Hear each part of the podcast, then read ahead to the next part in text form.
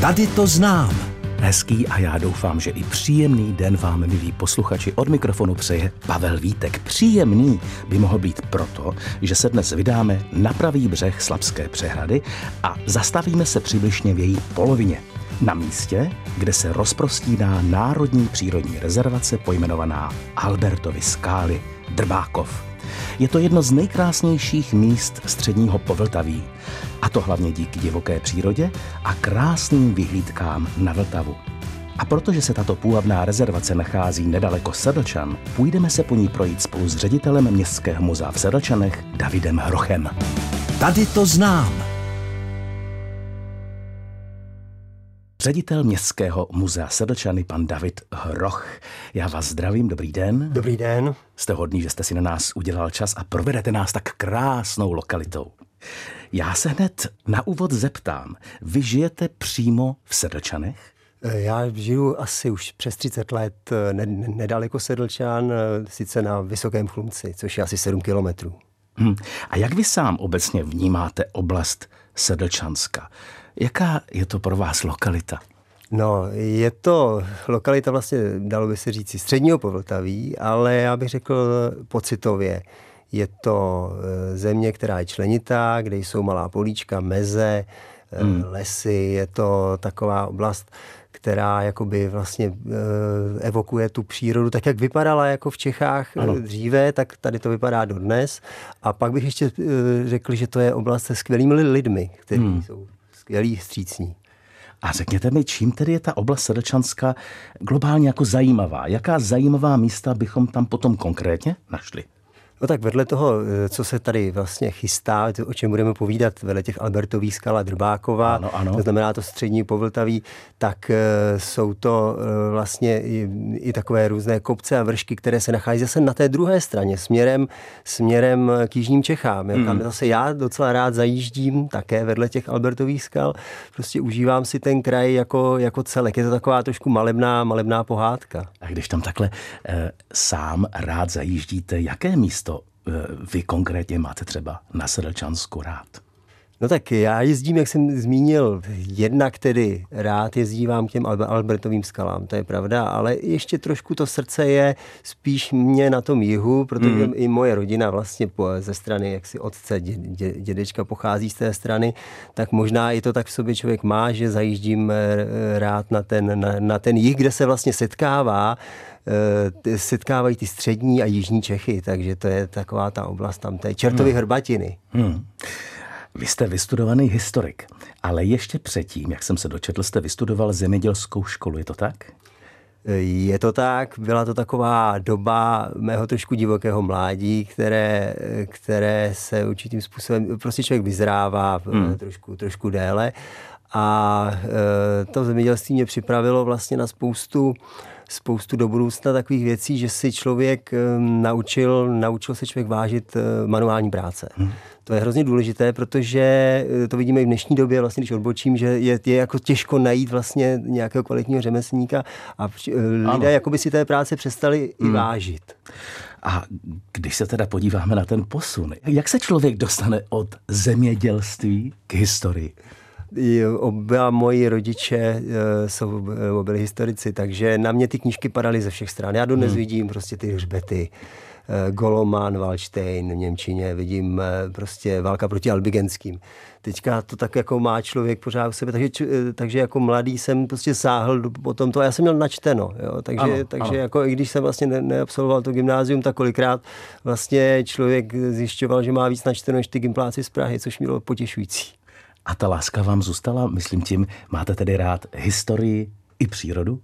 Dá se to tak říct. Je to, je to spojení vlastně ideální Eh, v té přírodě se nachází řada památek. Já jsem svého času býval i několik let kastelánem na Vysokém Chlumci, což je ta vesnice, v kterém bydlím. Takže tam se to ideálně snoubilo. Právě s tou manuální, možná trošku zručností, kterou bych si dovolil říct, že také trošku mám. Cílem dnešního putování je Národní přírodní rezervace Albertovy skály Drbákov a provádí nás ředitel Městského muzea Srčany pan David Hroch.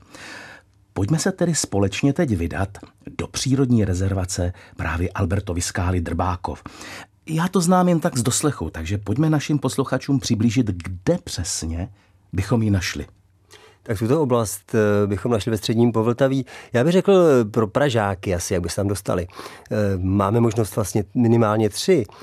Je to jak po D3 na Mirošovice a potom na Benešov a Olbranovice a odbočíme na Sedlčany a projedeme městem. Obdobně se tam dostaneme přes D4, to znamená na Strakonice, Příbrám, odbočíme na Skalce a zase do toho města našeho a přes něj. Ale já bych možná posluchačům doporučil takovou hmm. romantickou cestu, byť malinko možná trošku delší, a to sice přes Davly a Štěchovice, ano. kde vlastně pak překročíme, přejedeme Vltavu na Cholíně, dostaneme se do obce Nalžovice, zde zahneme doleva a potom ještě jednou doleva na Nalžovické podhájí a jsme u rozcestí, které se nazývá u Křížku. A to je ideální výchozí hmm. bod do Drbákova a Albertových skal. Tak to je naprosto vyčerpávající navigace, jak se tam dostat. A Pojmenování Albertovy skály, to je mi jasné, ale co se skrývá pod názvem Drbákov? No je to taková zajímavost. Drbákov je název vrcholu, zhruba 490 metrů vysokého a je to eh, odvozeno, ten název je odvozen od eh, slova dbáti, Aha. což je docela zajímavé. On totiž ten vrchol od jak živa slou, nebo od pradávna sloužil k pozorování, vlastně byl, nebo byl využíván k pozorování co se, toho, co se děje na Vltavě, protože Vltava byla dříve takovou tepnou a bylo vždycky důležité, kdo ovládá, jak si vodní toky ovládá i, i další část území, ano. čili tak toto vzniklo. A jaké jsou ty skály? Jsou hodně vysoké? No, dneska můžeme říct, že jsou od 30 až 35 metrů vlastně pozorovací jak, jaksi nižší, protože se ta vodní hladina zvedla díky té slabské přehradě, ano, ano. Takže, takže jsou třeba jako, můžou být jako o třetinu, o třetinu nižší, ale nicméně eh, neubírá to tomu, ta monumentalita tam eh, jako zůstala. Samozřejmě já tu situaci neznám osobně před jaksi existencí té přehrady a muselo to být jako mnohem, mnohem ještě jako zajímavější a více vzrušující. Hmm. O skalách se často říká, že jsou rozeklané, to mají i lidi na nich rádi. Platí to i v případě Albertových skal? No, já bych ani neřekl, rozeklané jsou takové rozježené, protože ono to zase není tak, jak si ta, ta, ta výška není zase až tak velká. My se pohybujeme v rozpětí mezi 270 až 470 metry nadmorské výšky, když bych to bral úplně jaksi od té paty, paty té vody. Ale je to, je to prostě eh, dáno jako spíš eh, tou zajímavostí toho místa. To, to je prostě to, to, na, na tom to zajímavé. A řekněte mi, procházka Albertovými skalami, to bude asi jenom pro pěší, a nebo možná pro zdatnější turisty. Je to tak, nebo si tam může troufnout kdokoliv? Já myslím, že to je přesně to, co bych tady posluchačům doporučoval, hmm. že to je pro fyzicky zdatnější jedince, ty, kteří jaksi nejsou tak zdatní, tak by možná o toho mohli upustit, jsou tam i nějaké řetízky po cestě a tak, ale hmm. je to také potřeba počítat s tím, že to je 7 kilometrů zhruba, jo? takže hmm. musí se na to udělat čas mezi třemi až pěti hodinami, záleží jaksi na, na každém z nás. A jeho zdatnosti, ano. Někde jsem taky četl, že se jedné části Albertových skál říká říká bílá skála. Proč? No, bílá skála je vlastně to proto, že uh, oni ty skály působí bílé až jak, jak, jak, si, jak, jak si zářivě bílé. A proto také je potřeba tady zmínit to, že hmm. oni se původně jmenovali Bílé skály a ten název Albertovy skály dostali díky geografům nebo spíše kartografům, kteří uh, toto někdy v 19. století přenesli do map a je to podle majitele místního uh, vlastně velkostatku. Takže, takže ale zůstalo již u těch těch Albertových skal. Aha, tak to už víme.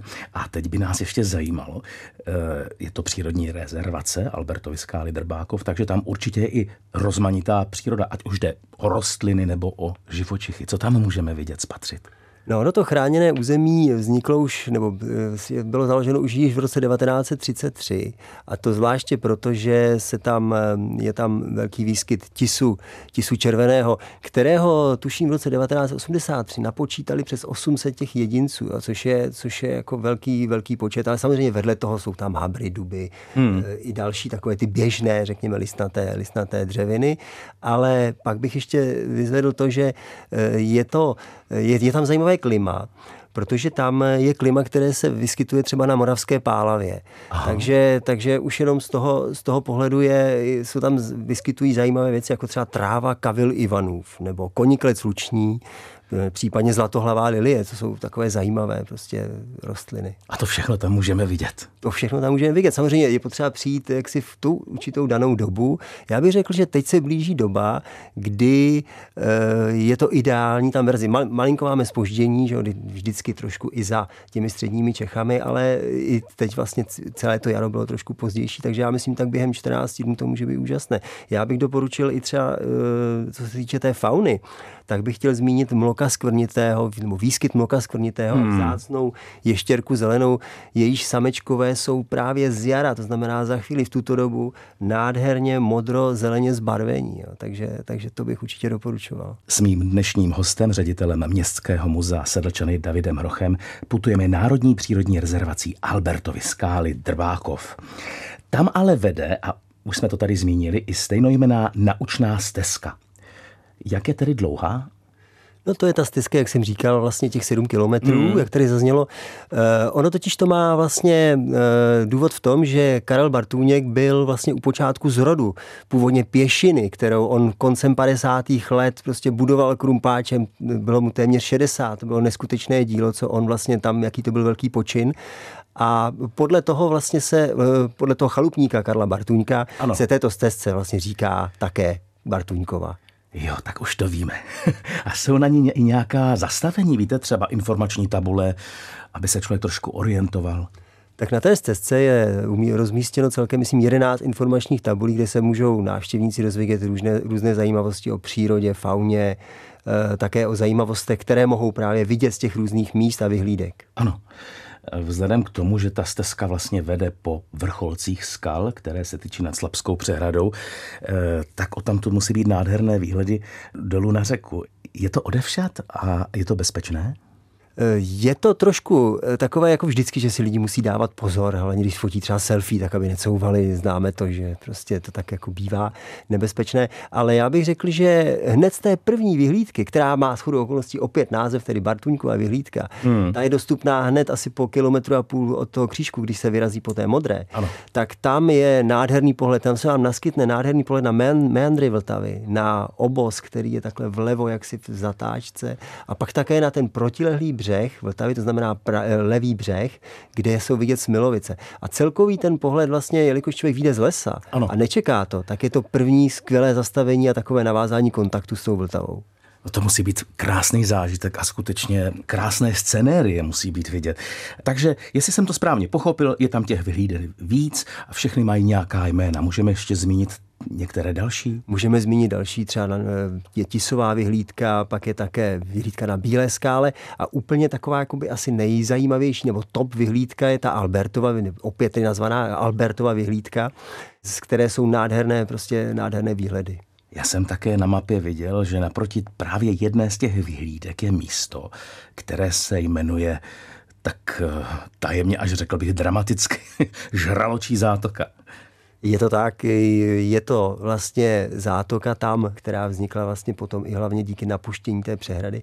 Ale chtěl bych říci, že to spojení žraločí zátoka vzniklo vlastně později. Řekněme, že děti tam jezdívali se svými prostě rodiči trávit léto a od toho se vlastně odvíjí ten romantický název, že hledali ty romantické názvy ano, a chtěli, ano. nebo romantická místa a romantické, romantický název. A je tam od někud vidět i na druhou stranu, myslím, právě na Sedlčansko? Je tam vidět ne přímo Sedlčany, ale Sedlčansko ano, je to vyhlídka, vlastně když se člověk vrací pak zpátky po té stezce, tak tam eh, může vidět právě na tu jižní stranu, eh, nebo na tu jižní stranu jižních Čech a právě na tu zmiňovanou čertovou hrbatinu, která vlastně se tam eh, rozprostírá jižně od Sedlčan. Cíle našeho dnešního putování je Národní přírodní rezervace Albertovy skály Drbákov a provádí nás ředitel Městského muzea Sedlčany David Roch. Pojďme se tedy společně podívat ještě dolů k Vltavě, protože už jsme se dívali ze zhora z vyhlídek. Tak je možné k ní sejít, k řece myslím právě z Albertových skal? Ano, je, je, to, je to možné, je to vlastně v, v, zhruba v místě té protilehlé žraločí zátoky, která se tady nachází na tom levém břehu. My se stále vyskytujeme na tom pravém. Sejdeme dolů k Vltavě hmm. a ocitneme se na místě, které, které se vlastně dodnes, jak si žije, nazývá se Častoboř. Ta Častoboř to je vlastně název původně starého dvorce, který se tam kdysi nacházel, ale eh, jak si ten dvorec, včetně dalších obydlí a vesniček, vesnic, vzal za své při jaksi eh, zřízení té slabské přehrady. Přehrady, ano, ano. A jakou tedy mají teď atmosféru břehy Vltavy právě v těchto místech? Ono je to asi trošku jiné předtím, než eh, se to zalilo tou vodou a vlastně vznikla tam ta kaskáda, že jo? No já vzpomínám, když jsem tam byl nedávno, tak tam je hrozně důležité, nebo je velmi důležité taky, eh, kde se nachází slunce, hmm. případně i jak je i večer, večery jsou nádherné, nebo, ne, nebo noci zda je měsíc úplňku.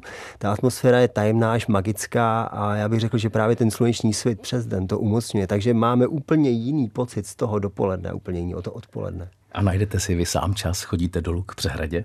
No snažím se, to víte, ale je to, je to, je to dost náročné. A když už se tam tedy vydáte, tak kam jdete? Kam byste nás zavedl? No, já jsem spíš trošku takový jako muž na kole, jo, kdyby řekl, ten, eh, chodím také rád pěšky, ale ano. na kole a pokud mohu, tak právě hmm. vyrážím spíš na ten jih, na, do, na, to je také Sedlčansko, ale jižním směrem na tu Čertovou Hrbatinu. Tam je totiž jedno úžasné místo, kde máte najednou pocit, že jste na střeše našeho regionu a vidíte na jednu stranu Brdy a na hmm. druhou stranu Šumavu. Hmm. A z té Šumavy třeba nejen tedy Boubín, ale i velký, velký Javor a Roklan. Takže to je prostě monumentální místo. Zase pro mě, jak si tak. Takže to je to místo, které vy sám na Albertových skalách a, v tom okolí máte asi nejraději. No právě, jak jsem říkal, nejsou to Albertovy skály úplně, ne, že bych je neměl rád samozřejmě, ale je to i spojeno možná s tím, s tou častoboří, jak bych tady řekl, že to bylo místo, kde jak si vznikl ten tábor v 50. letech, eh, stanoví původně, eh, podílel se, při jeho vzniku byl vlastně František Robin Veselý, no František Veselý, řečený Robin. A to je významná postava místní, sedlčanská, rodilý sedlčaňák, který se asi celý život vlastně se staral o tu později, o tu Bartuňkovu stezku. Ano. Ale hlavně byl u zrodu tady toho tábora na, na Častoboři, který se později rozrostl e, díky tomu, že tam různé podniky sedlčanské začaly zřizovat svá letní rekreační zařízení.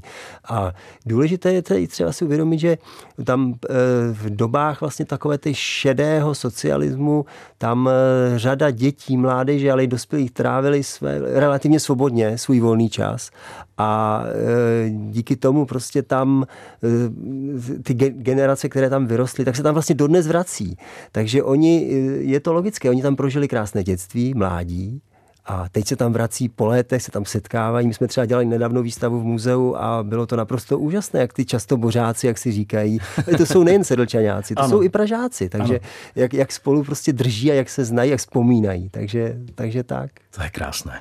S mým dnešním hostem, ředitelem Městského muzea Sedlčany Davidem Hrochem, cestujeme po Národní přírodní rezervaci Albertovy skály. Trvákov, ale Pojďme se teď na závěr podívat ještě přímo do Sedlčan. Jaké je to město? Je to město, které je menší, možná trošku tiché, a jak jsem říkal, s lidmi, kteří jsou komunikativní a já si toho člověk, člověk si toho váží, když ví, jak ho mezi sebe přijali. Takže vstřícní lidé, mm. příjemní, mm.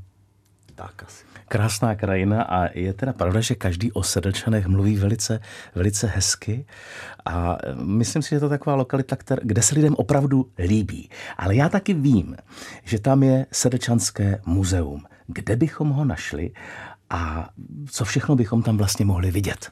Tak naše muzeum bychom našli v centru města na náměstí Tomáše Garika Masaryka. My jsme v roce 2002 byli, vlastně získali budovu bývalé takzvané staré radnice, která byla pro účely muzea nově opravená a e, je tam zřízená tedy taková klasická regionální expozice, počínaje od archeologie přes středověk až po současnost. E, tam by se, já bych vyzvedl nějaké takové, taková témata, kterými se zabýváme. Je to, je to třeba e, z té nejstarší doby takové téma Jakuba Krčina z Jelčana Sedlčan, který Sedlčany a Sedlčanské panství a okolní pozemky vlastnil zhruba 20 let v 16. století a postavil si tam takovou tvrz nedalekých křepenicích. Hmm a vlastně inicioval vznik Sedlčanského graduálu, což je latinsko-český zpěvník, podle kterého vlastně literátské bratrstvo zpívalo na kůru v kostele. Ten zpěvník je uložen u nás jaksi eh, v trezoru, je v majetku města ano. a my tedy návštěvníkům můžeme, u nás mohou vidět faksimily věrnou. A řekněte mi, když bychom tedy už máme za sebou to putování přírodou, kdyby někoho zajímaly opravdu jako památky, tak z těch památek eh, vedle toho eh, monumentálního hradu Vysoký Chlumet, který ale bohužel uzavřen, ale stojí za toho aspoň z dálky na, na vidět, eh, já bych chtěl upozornit třeba na větrný mlín u Sedlčan. To je velká stavba, on je to trošku už torzo, ale je to velká stavba větrného mlína ze, ze 17. století. Je to jedna z největších staveb větrného mlína hmm. ve střední Evropě. Pak bych řekl hra, zámek Červený hrádek, nedaleko od ano, Sedlčan. Opět ano. tedy bohužel veřejnosti nepřístupný, ale stojí za, za za to navštívit přilehlý park a podívat se na krásný, tam On ho byl. představoval jako mladý student ještě eh, Jan Kotěra, který mimochodem má v tomto roce, mám tuším, nějaké výročí. Ano. A řekněte mi, když eh, bychom tedy eh, absolvovali ještě cesty po nějakých takovýchto hezkých památkách, protože skutečně to stojí za to, co třeba rozhledny? To vždycky lidi zajímá podstatě se dá říct, že naše krajina Sedlčanska je i krajem rozhleden. My jich tam máme, myslím, pět a dokonce jedna z nich se pišní i tím, že za dobré viditelnosti by měly být vidět i vrcholky Alp.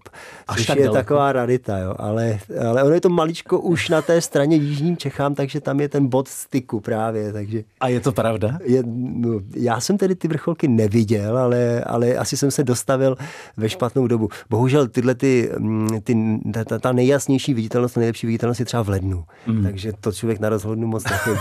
to určitě ne. A můžeme našim posluchačům jenom zmínit pár těch rozhleden? Tak je to třeba rozhledna Drahušek, to je poetické jméno, to je nedaleko Sedlčán. Pak teďka nová rozhledna právě u řeky, ale u Orlické přehrady, nebo těsně vedle Orlické přehrady a to je rozhledna Milada. Takže to bych doporučil určitě navštívit tyhle dvě. Milí posluchači, a já bych vám doporučil na základě tohoto hezkého povídání s mým dnešním hostem všechna tato místa eh, také navštívit. Budete muset možná dávat někde trošku pozor, na některé třeba ty terénní části si tolik netroufnete, ale vidíte, že ať už se rozhodnete pro přírodu, nebo pro památky, nebo vystoupat na rozhlednu, můžete si splnit své cestovatelské sny a vášně. Moc hezky jste nás dneska navnadil. Děkuji vám za to krásné povídání i za ty typy. Já jsem možná ještě na závěr zapomněl, abych neopomněl vzpomenout, Eh, ta Sedlčansko právě díky té své úžasné jaksi členitosti ano. bylo vybráno jako Jiří Menclem pro tvorbu svých filmů. Ten tam natáčel, vzpomeňme dva filmy, Na samotě u lesa, u lesa a ano. Vesnička má Střigisková. A takže řečeno společně s panem doktorem z Vesničky, my na Sedlčansku se kocháme každý den. A to je krásná tečka za dnešním povídáním o Národní přírodní rezervaci Albertovi skály Drbákov v Sedlčansku a celé té krásné části eh, české krajiny. Mým hostem hostem byl ředitel Městského muzea Srdčany David Roch. Já vám ještě jednou děkuji. Mějte se fajn. Já děkuji za pozvání.